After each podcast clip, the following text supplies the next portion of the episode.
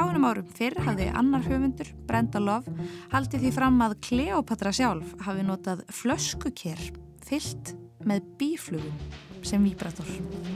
Ég, ég, ég nálgast þetta eitthvað svipað og hérna konar mín sem hefur eitthvað unni mikið músík með mér, hún er svona handaðunni kona, hún prjónar og heklar og þetta er eiginlega svipað hjá mér með tónlist. Þetta er bara eitthvað sem ég geri og hef alltaf gert. Í þáttunum fylgja áhörnundur Íslandingum sem leita á framandi slóðir til að endurheimta tengsl við sjálfa sig og náttúruna. Í lestinni í dag tónlistamæðurinn Þórir Georg saga Titrarans og fægurinn nýlendu tímans. Ég heiti Lóa Björg Björnstóttir.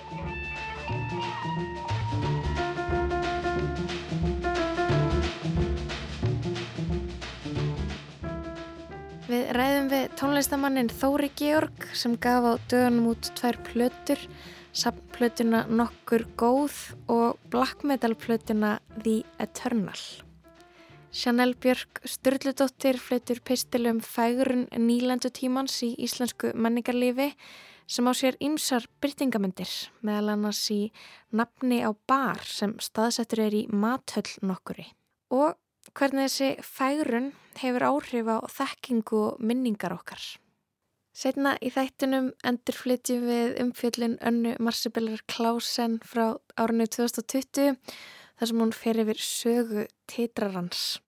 Við höfum aðeins endurflytt gömul efni í lestinni í vikunni. Það er vegna þess að við Kristján erum búin að vera á útarpsraðstefnu. En við ætlum að byrja hann þátt í dag á Þóri Georg.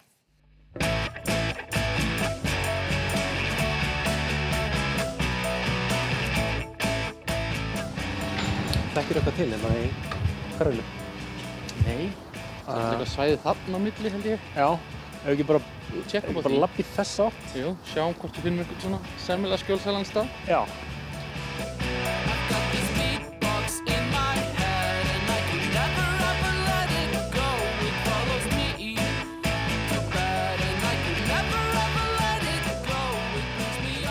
Herðu, Þórir, já, um, ef við tækjum viðtal í hvert einasta skipti sem við kemum út platta með þér, þá náttúrulega hérna, væru bara alltaf í viðtölum, þannig að, hérna, en núna eru hérna tvær plötur nýkomnar út og hérna, e, annars vegar svona safnplata sem kallast Nokkur góð og, og svo hins vegar önnur platan með, með verkefni sem þú kallar Óreiða uh, og um, það er plata sem heitir The Eternal. Um, black metal plata. Um, en svo reyndar sko í millitíðinni frá því að við svona sammæltumst um að vera með viðtal þá sá ég að önnur plata datt inn á Spotify. Já, já, það er samt bara gömul plata sem ég var bara að setja um Spotify sem hefur ekki verið þar inni. Það er ekki svo gott, sko.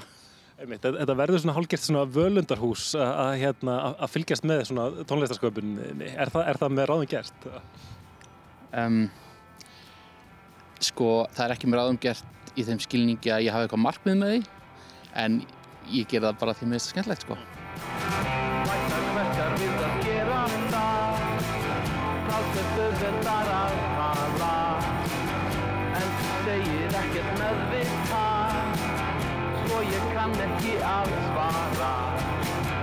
En ég reyna að halda andliti Þó mér langi bara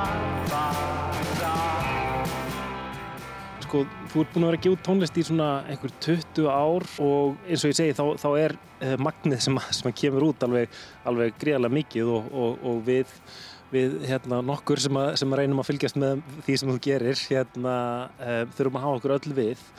Hefur einhverja hugmynd um hvað þú hefur gefið út mikið? Til dæmis bara hvað mörg lög þú hefur gefið út? Ekki neina. Og bara ekki, sko, ég var að tala við hérna kollegaðin Árna Matt um daginn og hann sagði 58 plötur. Ég veit ekki hvað hann fekk þá tölu, kannski er hún rétt, ég veit ekki. Get, getum við eitthvað svona slumpað, ok, hérna, ok, 58 plötur segir Átni Matt, við eiginlega bara verðum að treysta honum, Hva, hvað er meðaltali, kannski mörg lög á plötu, hvernig, hvernig myndum við rekna út? Maður getur slumpað bara svona, kannski, kannski 8-10 lög á plötu, við erum að tala um kannski. Næ, þetta er auðvitað meira, sko. Þetta er alltaf orðið það sem mikið. En sko, náttúrulega mikið af þessari músík er svona í tilhörnarkendar í kantinum, þannig að það er kannski ekki endilegt að tala um lög í hinnum hefðbundna skilningi á þessu öllu saman. Já, þannig að það getur, getur jáfnvel verið, já, e e eitthvað sem er einhver spunni sem er, sem Já. er tekin upp og gefin upp Akkurat, og, og akkurat, svo framvegis. já, já, já. En, en mikið af þessu eru þó, þó, þó lög uh, hérna með, með, með lagastruktúr og, og, hérna, og erindi og viðlag og, og svo framvegis. Hérna tónlist og tónlistasköpun, það semja hlýtur að vera náttúrulega bara líf þitt og, og í rauninni hluti af þínu daglega lífi. Hérna, hvernig, hvernig gerist það? Bara rennur þetta einhvern veginn út úr þér? Hvernig, hvernig er, er sköpunin? Eh, Stundum, eh, það er, já, í, það er svolítið mikið, þetta er svona, ef maður gerir nú mikið einhverju þá fer maður auðvöldra með held ég. Þetta er svona eins og einhver sagði að þú veist, þetta snýst alveg um innblástur en því meira svo gerir þetta því meira innblástur færið. Þú veist, þetta er svona, ég, ég nálgast þetta bara svipað og hérna kona mín sem hefur reyndar unni mikið af músík með mér, hún er svona handaunni kona, hún prjónar og heklar og þetta er eiginlega svipað hjá mér með tónlist. Þetta er bara eitthvað sem ég geri og hef alltaf gert. Og oft á tíðum svona verða útgáfur og hugmyndir af útgáfum til eftir á sko. Þegar einhvern veginn átta mig á því bara svona já ég er búinn að gera hérna svona mikið af efni sem einhvern veginn ég er að fatta núna að tengist á einhvern hátt. Og þá fer ég að spája að búið til einhverjar útgáfur sko.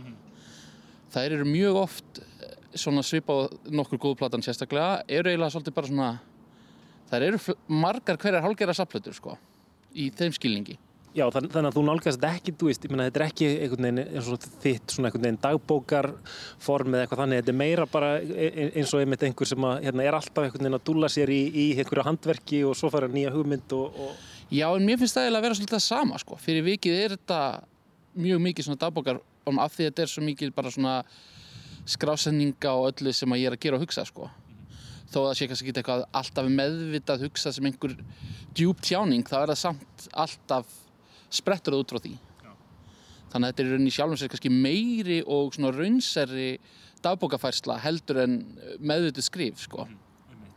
er þetta mest þá einhvern veginn, ertu, ertu heima bara einhvern veginn með kassagítarinn einhvern veginn alltaf, alltaf uppi við eða, eða, eða hvað? mm, hann hangir alltaf á vegnum í stofunni en hann hefur ekki verið kannski svona grunn hvað maður að segja, verkfærið mitt í svolítinn tíma sko.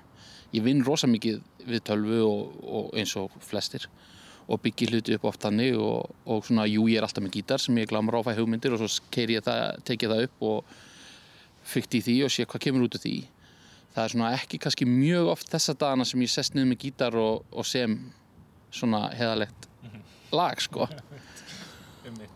En hérna, um, en þegar maður gerir þetta svona af svona, um, gerir þetta svona mikið og reglulega og stöðugt í svona ros, í, rosalega, í svona langan tíma, um, fer þetta að vera bara einhvern veginn svona, þetta er bara eitthvað svona vani sem þú gerir, þú hérna, prjónar alltaf hérna, sama, eða, veist, eða saumar sama minnstrið eða svoleiðis, eða, eða ertu stöðut einhvern veginn að vera spenntur fyrir einhvern veginn svona einhverjum nýjum tækjum, nýjum, uh, nýjum hlutum þú veist einhvern veginn að uppgöta bara í, í uh, hljóði, í tónsmíðum og svo framvegis. Það er þannig, það er stans, það, hvað maður segja.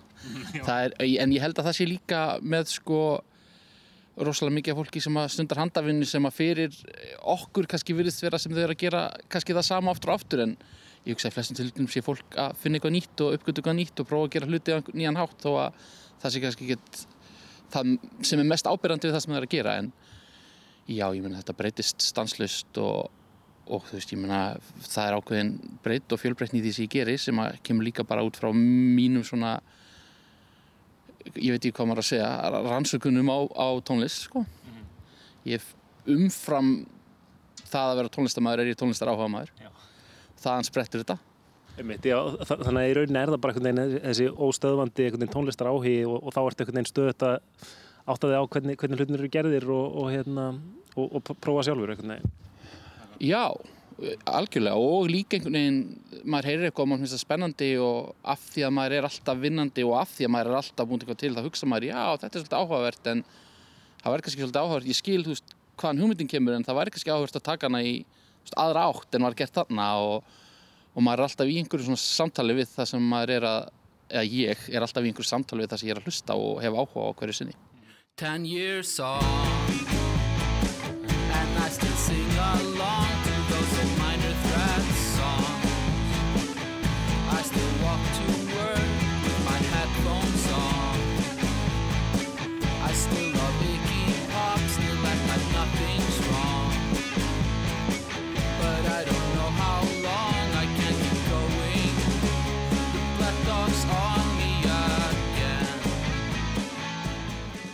Þetta mikla magn og þessi, þessi, þessi mörgu fjölbreyttu verkefni. Sko ég er að hugsa sko bara líka um svona einhvern veginn miðlunarleðina eins og með netinu. Fyrst þegar þú ert að byrja að gefa tónlist þá er kannski netið ekki orðin þessi rosalegi svona miðlagi vettvangur tónlistarinnar uh, og jú, fólk var að brenna og gefa út sína einn geisladiska og svo leiði sko. En, en kannski netið gerir manni kleift að einhvern veginn bara að móka öll út sem, að, sem manni dettur í hug veginn Já. Ég veit ekki alveg hvort að ég myndi vilja lýsa því sem ég gerir sem að móka út öll sem þetta eftir í hug en ég skil hvort þetta fara. En ég vann í raun og veru alltaf svipað. Um leið og ég fór að geta sett tónlist á geisliska og kassetur þar á undan þá var ég alltaf búandi eitthvað til. Munurinn er bara sá að þú veist þá brendi ég tíu undtöku af einhverju og gaf vinnum mínum og enginn veit að það er til. En á meðan þú setur eitthvað á netið þá er það þar nema þú takir það niður sko. Og netið þegar ég er svona að byrja af alveg að gera músík maður notaði netið mikið en þá var það meira svona hérna er eitt lag eh, tjekkað á mér, þú veist, sjáðu hvort það var áhuga á því sem ég er að gera. En ekki, þú veist, hérna getur fundið allt sem ég hef gert, þú veist. Já, um, maður sér að það eru rosa margir hérna, og hérna, þetta er alveg rétt hjá þér hérna, ég, ég, ég, það, það er munur á því einhvern veginn að móka öll út og ma maður sér sko, en maður sér margir gera það einhvern veginn nota netið bara á, á þann hátt og maður sér einhvern veginn hérna, Magdi Marko var að gefa út plötu núna með 199 lögum og, og þú veist, það eru alls konar hljónstir sem gefa bara út margar, margar plötur á ári uh, og svo eru svona einhvern veginn gjörningaverk, hérna, myndi þetta eru drengurinn fengurinn sem að sko, hérna já, hérna en þú veist, þannig að netið einhvern veginn gerir manni kleift að gera þetta, en, en, en það eru þetta kannski líka vand með farið því að það verður einhvern veginn rosalegt off, off hlæði einhvern veginn sko. Já, já, já, algjörlega Þetta er náttúrulega alltaf spurningum hvernig þú notar tólin en ég held að allt þetta hafa allt rétt á sér sko. það fyrir svolítið bara spurningum hvað maður er að leitast eftir að gera sem listamaður og hverju maður er að leitast eftir sem neytanda tónlist sem finnst bara geggjað að hlusta bara alltaf eitthvað sem þeir hafa ekki hirt á þér skilur og ég held að það sé að vera algengar algengar að fólk vilji bara láta einhvern veginn svona mata sig af veist, st- stanslausu efni sko. ég meina veist, maður finnst líka bara svona svo stórir vinsælir, þetta er ekkert bara Magdi Marko, ég meina senast þegar Kanye West gátt plötu þá var það veist, 30 lög og þetta er bara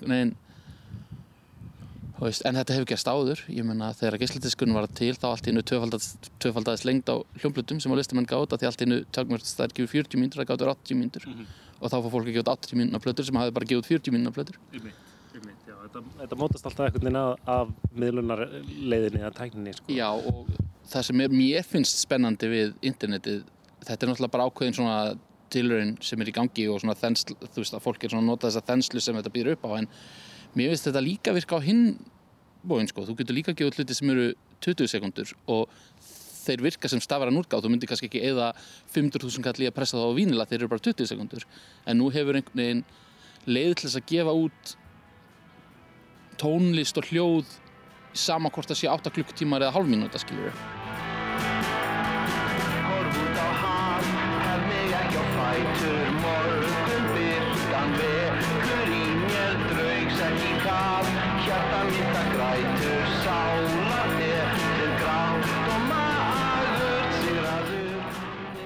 Ég er svona hef tilfinningunni að, að, að þér finnist gaman uh, að það sé líka sköpun í því að búa til einhverja heild og, og, og hérna, hanna þá plötu umslag og, og, titil og allt þetta sko. 100% ég er náttúrulega grafiskur hönnuður.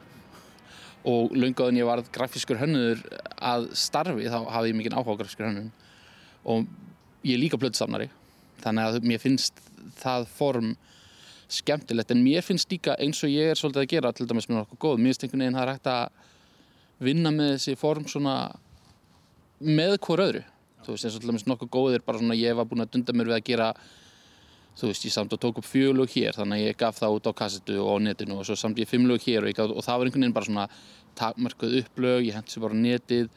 Ég var ekki að fókusera á það sem ég var að gera sem Þóri Georg í langan tíma ég var meira að leggja áherslu á og hef alltaf lagt meira áherslu á hljómsdýrna sem ég er í með öðrum heldur en það sem ég ger einn en svo er þetta einmitt, þú veist, fyrir þá sem finnst gaman að kaupa vínil og kaupa eigulega hluti þá er hægt að taka bara svona eins og ég sagði, þetta er sapplata en þetta er samt ekki sko sapplata í einhverjum svona bestu lögin minn skilningi, þetta er bara svona eiginlega meira svona skrásetning á ákveðnu tímabili. Þú veist og þarna getur þú tekið, ef þú nennir ekki að hlusta á allar tíu útgáðuna sem kom út á þessum tíu árum þá getur þú bara tekið þessa samplötu og þá færðu svona smá svona brota því einhvern veginn. Þetta er stór hluti af, af bara því hvernig þú lifir lífinu þínu. Um, mér finnst svo aðteglisvert að, að þarna fyrir tæplega 20 árum þá kemur hérna, fyrsta, fyrsti geisladiskurinn út uh, og þarna í nokkur ár eftir þá, þá hérna, ertu að reyna einhvern veginn að starfa sem tónlistamæður en það hefur einhvern veginn verið eitthvað sem þú hefur ekkert verið að reyna þannig síð, síðan þá. Nei og ég var eiginlega ekkert að reyna heldur þá. En ég var að vinna með fólki sem að var að reyna það. Kannski meira heldur en ég, ég var bara þú veist, þunglindur, tvítugur þú veist, bjánið sem var bara að reyna að halda lífi, sko, ég var ekkert að spá í einhverja vinnur, sko. Þess, ég gerði bara það sem ég var bóðið til þess að gera eitthvað, sko. Það hefur aldrei verið atriði fyrir mér að, að þetta sé veist, það er ekki það ég, mér finnist það eitthvað óæðri leið til þess að skapa list að hafa vinnaðinni, það er náttúrulega bara frábært þegar fólk getur gert það og gert það sem því langar til að gera. En ég fungera bara ekki droslega vel sem listamæður í því, þannig umhverfi sko. af, af því að þá þarf þetta að fara svona til þess að vera góður í því þá þarf þetta að fara að taka svolítið mikið tillit til einhvers annars en þessi til langar að gera endilega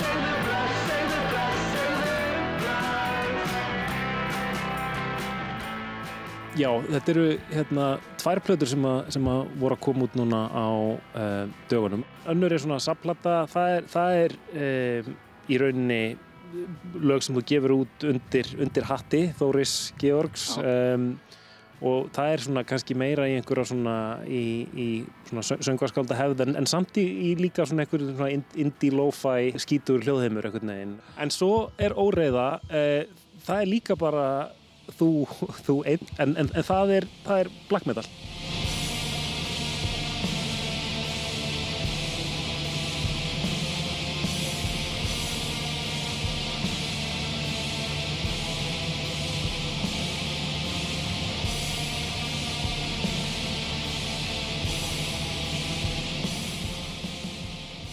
það er ég einn en það fungera svona meira svo hljónstundar mín að hafa gett gefið tíðina. Það sem ég gef út undir eigin nafni hefur alltaf verið bara svona það hefur ekki verið eh, negin ákveðin hugmyndafræði, það hefur ekki verið ákveðin svona sín á hvernig það á að hljóma eða hvernig það á að fungera, það hefur meira verið bara þetta er eitthvað sem ég var að gera. Óriða starfar mjög mikið hljóðst það er mjög svona eiginlega þröng svona, já hugmynd á bakvið það verkefni. Það er mjög svona, já, það er svona mjög meðvitað að ákveðinu liti svona hvernig það hljómar og, og hvað ég er að reyna að gera þar Og hvað er það að gera? svo er það að koma því á orðum. Nei, ég er náttúrulega sko elst upp á black metal. Ég, veist, ég byrja bara 14 ára gammal að hlusta á þetta og, og það eru svona ákveðna plötur frá svona tíund áratugnum sem að sitja ennþá bara, eru ennþá bara mínar uppáhaldsplötur. Og ég er svolítið bara svona að rannsaka þó ég sé ekki að gera kannski tónlist sem að hljómar alveg eins og það þá er ég svona að reyna einhvern veginn að átta mig á þú veist, af hverju það höfðu svona mikil áhrif? Hvað það er í þessari tónlist sem að hafi svona mikil áhrif og, og hefur ennþá svona mikil áhrif á mig af því að þetta er fáraleg tónlist sko. Veist, þetta, þetta er það, ég meina öf, svona öfgafull tónlist er náttúrulega bara fáraleg skilur, þetta er ekki eitthvað sem maður á að hafa gaman að að hlusta á.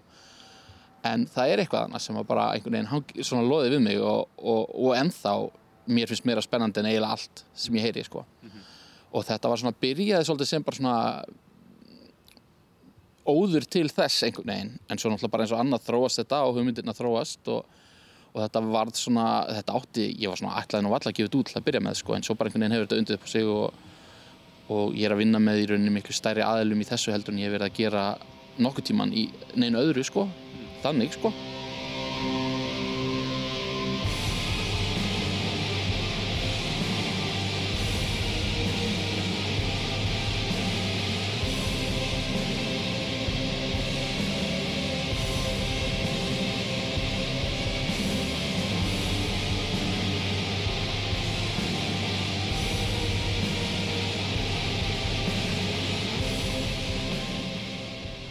Er alltaf svo vinsalt í, í, í listunum núna einhvern veginn, allt er einhvern veginn rannsóknarverkefni sko, öll list er rannsókn, sko, listrannsóknir. Þetta er rannsóknarverkefni en ég sjálfur er, er subjectið. Ég er ekki að safna gögnum, ég er ekki að, þetta er ekki svona, hvað kallaði, var ekki Goddur sem kallaði þetta svona safnaralist. Þetta er ekki safnaralist, þetta er meira bara svona mjög persónulegt og mikið svona beint svona inn á við sko. Og í rauninni, jú, jú, kannski rannsókn á hversu svona ekki aðgengilegt en hvernig er hægt að gera eitthvað svona sem fólk tengir við og skilur á mjög svona aukafullin hátt. En Það er náttúrulega í svartmálminum frá þessum tíma, það, það er eitthvað, eitthvað svona rosalegt andrumsloft og hérna og náttúrulega einhvern veginn þessi hljóðheimur uh, einhvern veginn rosalega skítu í bjagaði en, en samt svo einhvern veginn me- meðvitaður á einhvern hátt sko. Eh, það, er- það er einhvern veginn, manni finnst eins og þú sést einhvern veginn að reyna einhvern veginn að eima þetta einhvern veginn uh, og kannski en, en án hérna andlitsmálingar og hérna. Sko ég hef ekkert á móti því, mér finnst það geðveikt, ég bara, það virkar ekki fyrir mig sko. Þá meina ég þe- þetta svona, þessi andlitsmáling og, og það sko, en það er algjörlega, veist, umfram allt annað er það bara svona andrumslofti og tilfinningin sem að ég er einhvern veginn að reyna að, að svona endur skapa, eða mætti segja það.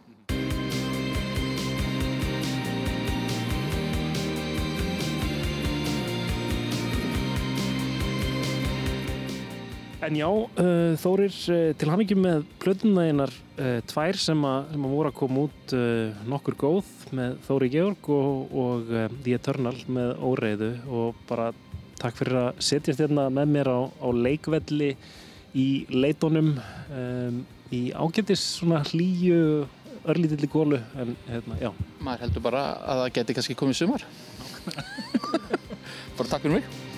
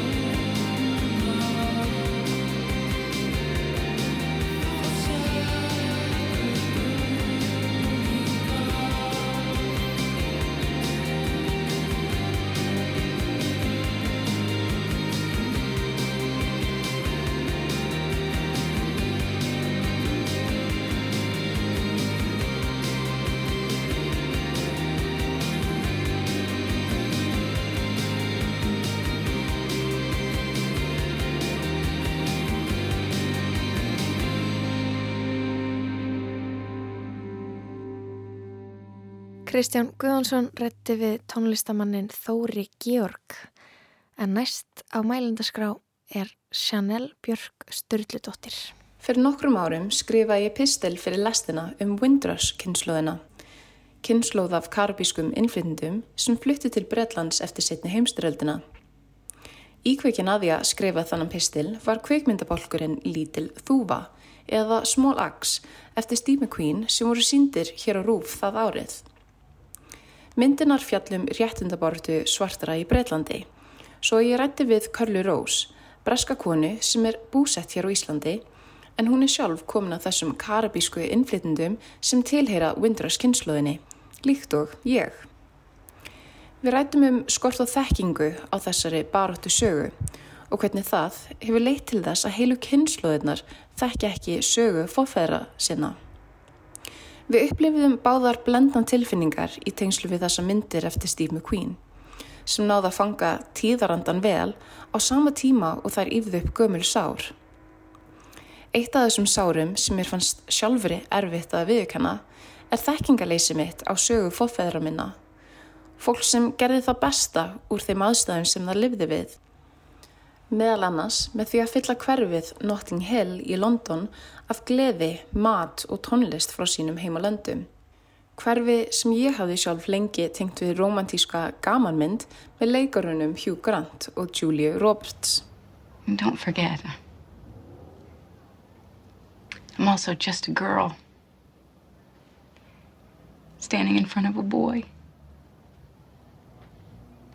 asking him to love her. Ég velti fyrir mér hvernig aðgengi að upplýsingum og ímynd móta minningar okkar og móta söguna. Án kvikmyndar eins og lítil þúfa hefði ég eftir vill ekki lært um þessa sögu og hefði hort á letríku húsin sem einkenna Notting Hill hverfið sömu augum en ekki sem afleggingu auðveldsþróunar eða gentrification eins og það er kallað á ennsku. Þar með er ekki sætt að þau sem að framleitu myndin á Notting Hill hafi gert það með það að markmiði að eigða út sögu karabískra innflytenda sem byggu í hverfinu. En þessi ímynd hefur áhrif og mótar tengingu okkar við fortíðina. Fyrir nokkrum árum opnaði matöllin Gróðurúsið í hveragerði. Það sem íbúir í nágrenninu og ferðalangar á Suðurlandi, Íslenskir og Erlendir geta fengið sér allskinn skóðgæti. Ég mann þegar ég kom fyrst í gróðrúsið og var nokkuð þrifin af metnaðafyllri innanhúsannun sem var í takt við heiti staðarins, jæmt og úrvalið af matsölustöðum til að veljúr. Það var þó eitt sem stakk í augun í þessari heimsók. Bar sem er staðsettur í söður hluta mathallarinnar sem nefnist Nýlendubarinn. Ég var ekki viss hvort að þetta væri mögulega einhvers konars ádela eða grín sem komst ekki til skila.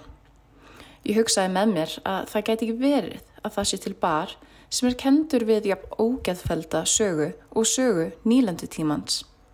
Þegar Evrópsku lönd yfirtóku fjarlæg landsvæði, arðrændu frumbyggja og netu sér þá í nöðungurvinnu. Það gat valla verið að einhverjum hafi dótti í hug að hlutgera og fegra þessa tíma og áhrif þeirra á óbjöfnuð í heiminum með því að nefna bar með þessu heiti og bjóð upp á Colonial Classics á kokteilasælunum. En svo verðist vera.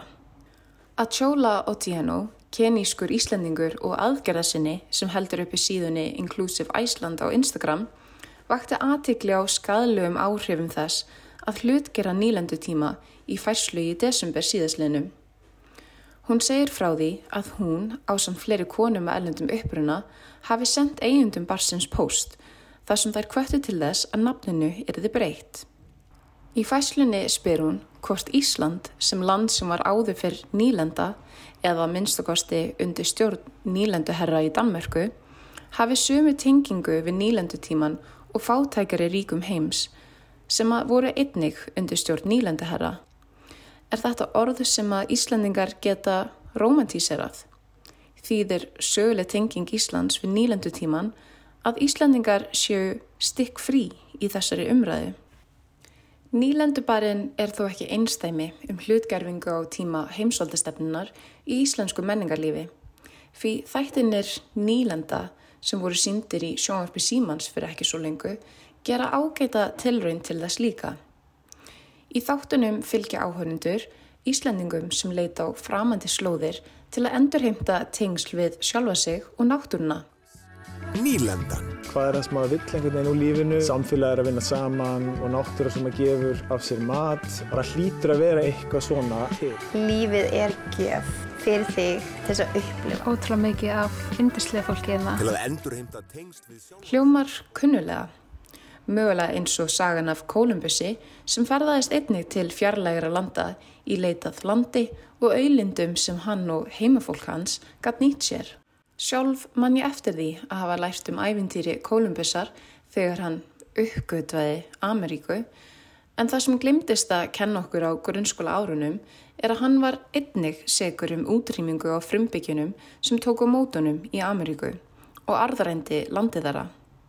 Það er nefnilega merkilegt hvernig sumir hlutir glemdust í skrásetningu sögunar. Það er ekki að segja að framleiðundur þáttana nýlenda séu að hilma yfir sambærlega brot viðmælenda í þeim löndum þar sem að þau hafa fundið nýtt líf, en valið þá heiti þáttarins veldur mér hugarangri. Að nefna lífstílstætti um Íslandinga í forréttindastöðu, nýlenda, er auðvitað villandi og ákveðin fegurinn á orðinu og sögunni. Í greinsinni The Exotic North fjallar Kristín Lofsdóttir mannfræðingur um það hvernig tenging Íslands við nýlendutíman einkennist af tvíhyggju. Það sem annars vegar hafi Ísland verið undir kló annari ríkja en sumi leiðist tekið þátt í útbreyslu kynþáttheikjunar sem staðsetti fjarlæg lönd og fólkið sem þar bjó sem vanþróað, framandi og sem villimenn. Ég veldi í fyrir mér hvort því sé viðhaldið í nútímanum með þáttum eins og nýlenda þar sem Íslandingar eru orðnir að gerundur í nýlenduhyggjunni í stað þess að vera þólendur. Og einni á koktelubörum eins og nýlendupartnum þar sem fagurfræðin lyktar af nostalgíu gagvart tíðranda þar sem nýlenduherrar réðu ríkjum. Mögulega er ég að velta ofmörgum steinum en ég kemst varðla hjá því þar sem ég sjálf tengis báðum þessum heimum sem Íslandingur en einni vegna róta minna í Jamaiku sem er fyrrum nýlendu breyta. Það getur nefnilega þótt saklaust að fá sér eitt gómsætan kokteil á barnum í gróðrúsinu eða fara í ævintýri í leitað nýju landi. En hvað ef komandi kynnslóðir alast upp við það að þetta sé það fyrsta sem að þau þekkja þegar þau heyra orðið nýlanda? Frekar en arðrán, þrælahald og útrýming heila þjóða. Líkt og í tilfelli Notting Hill Það var það ekki endilega ætlun bara eigenda nýlendubarsins eða framleganda á þáttaseríunni Nýlenda að mismuna fólki af erlendum uppruna með því að viðhalda gamalli hugmyndafræði. En það skiptir ekki öllum máli hver ætlunin er, fyrir áhrifin eru þau sömu og mótatinging okkar við fortíðina.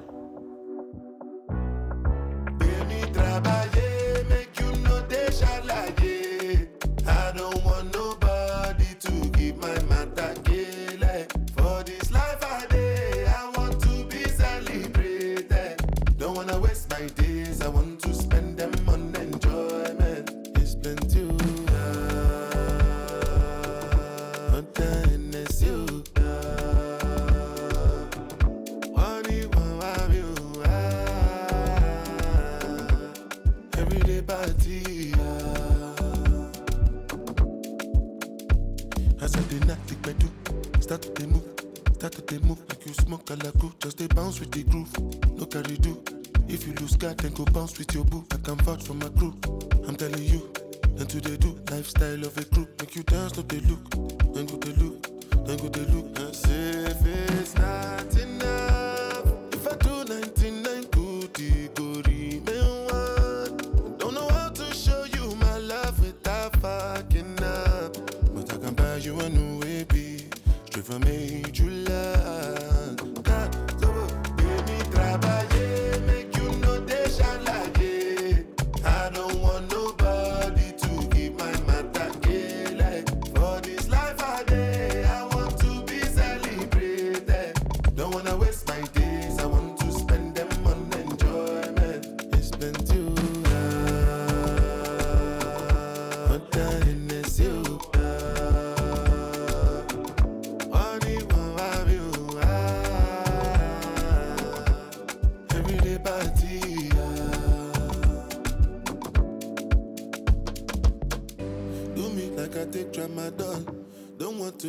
nothing at all. You like go juju calabar.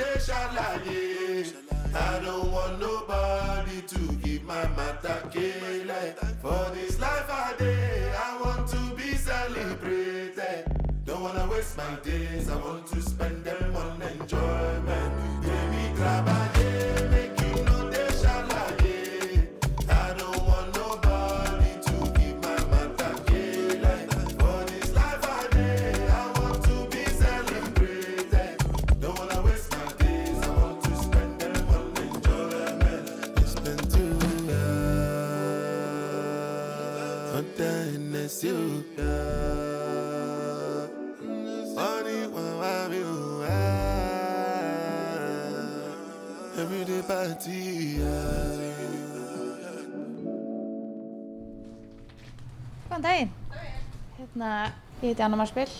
Ég er frá Rás 1. Já, ég er sagt komin til að hlusta á víbratóra. Hljóðið í viðbröndari. Já.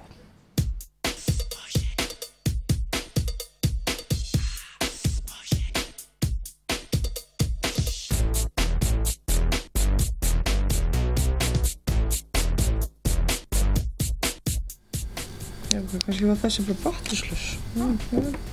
Það er næstu.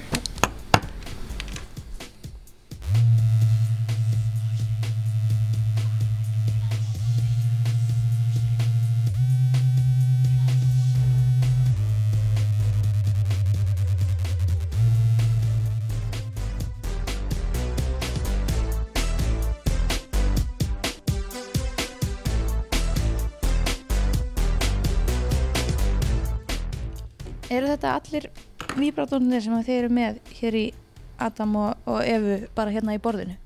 Uh, nei, við erum með mikið meira úrval. Það er eiginlega bara of mikið að hafa sínisotn aðeim öllum. Er þetta ykkar svona vinsalasta vara?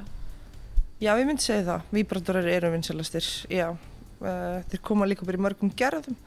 Sum egg eru náttúrulega víbratorar líka. Þannig að já, þetta eru vinsalastu verðunar. Og egg þá ólíkt svona það sem að margir sjá fyrir sér þegar þið hugsa um víbratóra sem eru svona, eh, já, svona falluslaga títrar. Já, einmitt, eggur er yfirleitt ekki þannig. Þú ert búin að vinna hérna í nokkuð tíma, ekki satt? Jú, sjö ár. Hefur séð mikla breytingar í, já, títrara flórunni á þessum tíma? Já, þetta er alltaf að vera vandaðara og vandaðara. Uh, mikið af hérna sílikon hefur alltaf verið vinsalla og vinsalla og svona mjúkir titrarar. Það er í raun og verið alltaf detta út þessir tippa titrarar. Þeir verða alltaf óvinnsalli og óvinnsalli með árunum en það er samt ennþá alveg fastur hópur sem vill bara þannig titrara. Titrara sem líta út eins og tippi? Já, akkurat. Já, þetta er eiginlega meira eins og bara eitthvað nuttæki þetta hér. Já, einmitt. Þetta er oft svona aðeins fallegri hönnun á þessu. Það sem þeir eru í svona skrautlegum litum og mjúkir og hérna svona þægilegir viðkomi.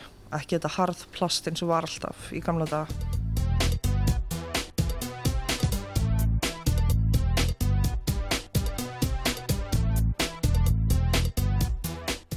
Þegar Ylva Kristín, sem er verslunastjóri Adam og Evu, talar um harðplasts titrara fyrri tíðar, er hann ekki að vísa neitt sérlega langt aftur, kannski bara svona 20 ári eða svo. Titrarinn var þó fundin upp mun fyrr, í kringum 1880 af breska lækninum Dr. Joseph Granville. Margir kannast við söguna hvernig Dr. Granville fann upp titrandi ramakstæki og beitti því á kvenkinn sjúklinga sína til að lækna þá af móðursíki, hysteríu. Dömurnar komu súrar á svip inn en sælar út, fullnægðar, læknaðar.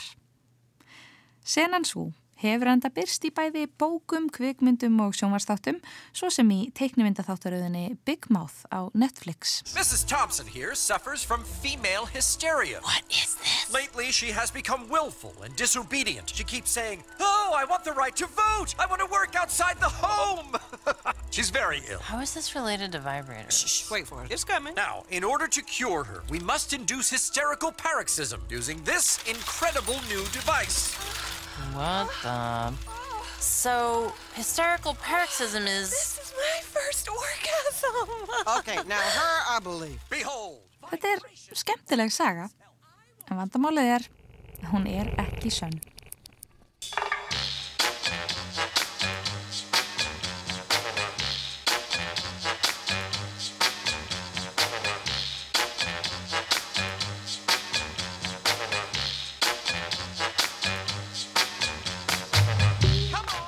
Dr. Granville fann vissulega upp fyrsta ramagstitraran en hann notaði hann ekki til að lækna hysteríu.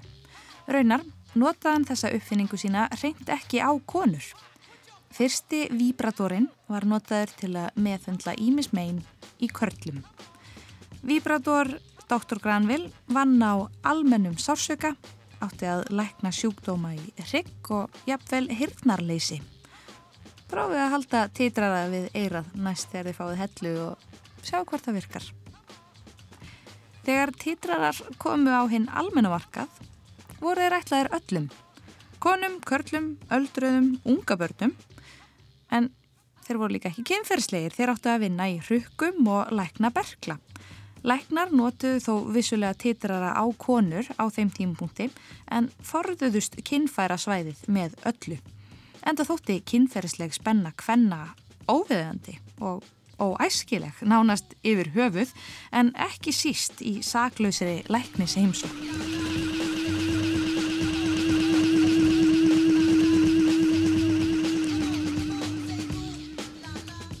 Kynlífssakfræðingurinn Halli Lieberman, höfundur bókarinnar Buzz, The Stimulating History of the Sex Toy eða örfandi saga kynlífstækisins, gerði þessa mítu að umfjöldurar efni sínu í nýlegri grein í New York Times. Á skrifum Lieberman má ráða að hún reynlega þólir ekki hversu þrálát þessi saga er. Hún er sjálf hrifin af henni þannig lagað tilhugsunin um alvarlegan lækni sem veitir konum fullnægingar til þess að lækna þær er kynþakafull eða þú veist, sumum finnst það. Hins vegar, segir hún, er mítan ekki skadlus heldur fantasía sem ítir undir staðalýmyndir af kynferði hvenna. One, two, three, four.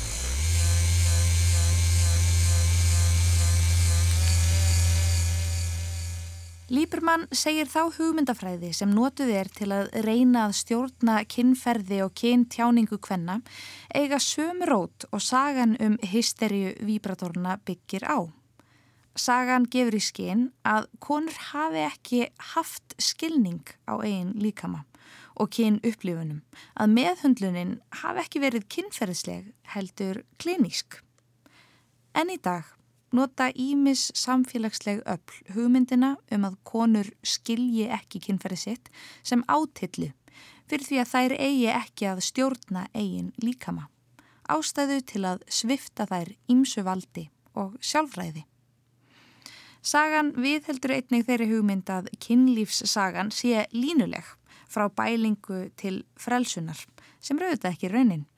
Líbermann segir slíka trú geta gert okkur værukær kakvar því frelsi sem áunist hefur, bæði lagalega og samfélagslega. Það frelsi sem við upplifum hér á landi þegar kemur að kynlífi er allt annað en sjálfsagt utan hins vestræðuna heims og jafnvel viða innan hans. Í embætstíð sinni sem þó telur aðeins tæp fjögur ár hefur fórseti bandarækjana til að mynda dreyið verulega úr ofinberu fjármagnir til kinnfræðslu, beint peningum sem áður runnu til forvarna gegn þungunum ungmenna til hópa sem berjast gegn meðgöngurofi og þá hefur hann haldið á lofti málsta þeirra sem vilja að öll kinnfræðsla miðist við skýrlífi.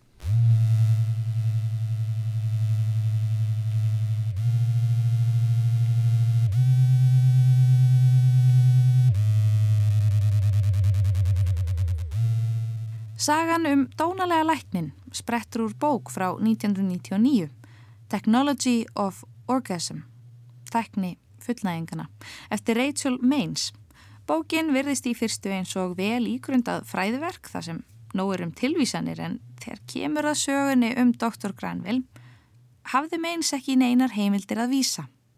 En hún skrifaði hana samt. Maines hefur setna sagt að aðeins sé um kenningu að ræða en skaðin var skeður. Fáinum árum fyrr hafði annar höfundur, Brenda Love, haldið því fram að Kleopatra sjálf hafi notað flöskukér fyllt með bíflugum sem víbrator.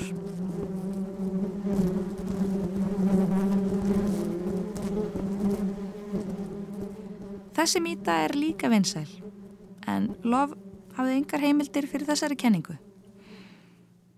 Af hverju eru þessa sögur svona lífsegar? Af hverju að setja fram svona sögur yfir höfuð? Þær eru auðvitað fantasíur og fantasíur passa bara svo vel við víbratora. Hverju kaupa þetta? Það er bara fólk á öllum aldri. Bæði kallmenn og konur, hán. Það er bara, já, í raun og vera engin sérstakur markkópur sem er að kaupa þetta sko. Þetta er bara fólk, alls konar fólk. Víbratorar eru fyrir alla? Já, nákvæmlega, víbratorar eru fyrir alla.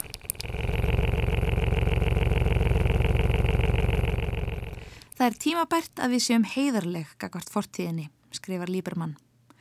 Læknar fundu ekki upp titrara af því að þeim var illt í úliðunum af því að nutta snýpi móðursjúkra kvenna. Þeir fundu á upp til að lækna alls konar kvilla en tækin læknuðu óskup fátt. Þar til langa, langa, langumur okkar notuðu þá í þeirra æðsta tilgangi. Hinn raunverulega saga er ekki abdónaleg og mítan, skrifar hún. En hún er í það minsta sönn.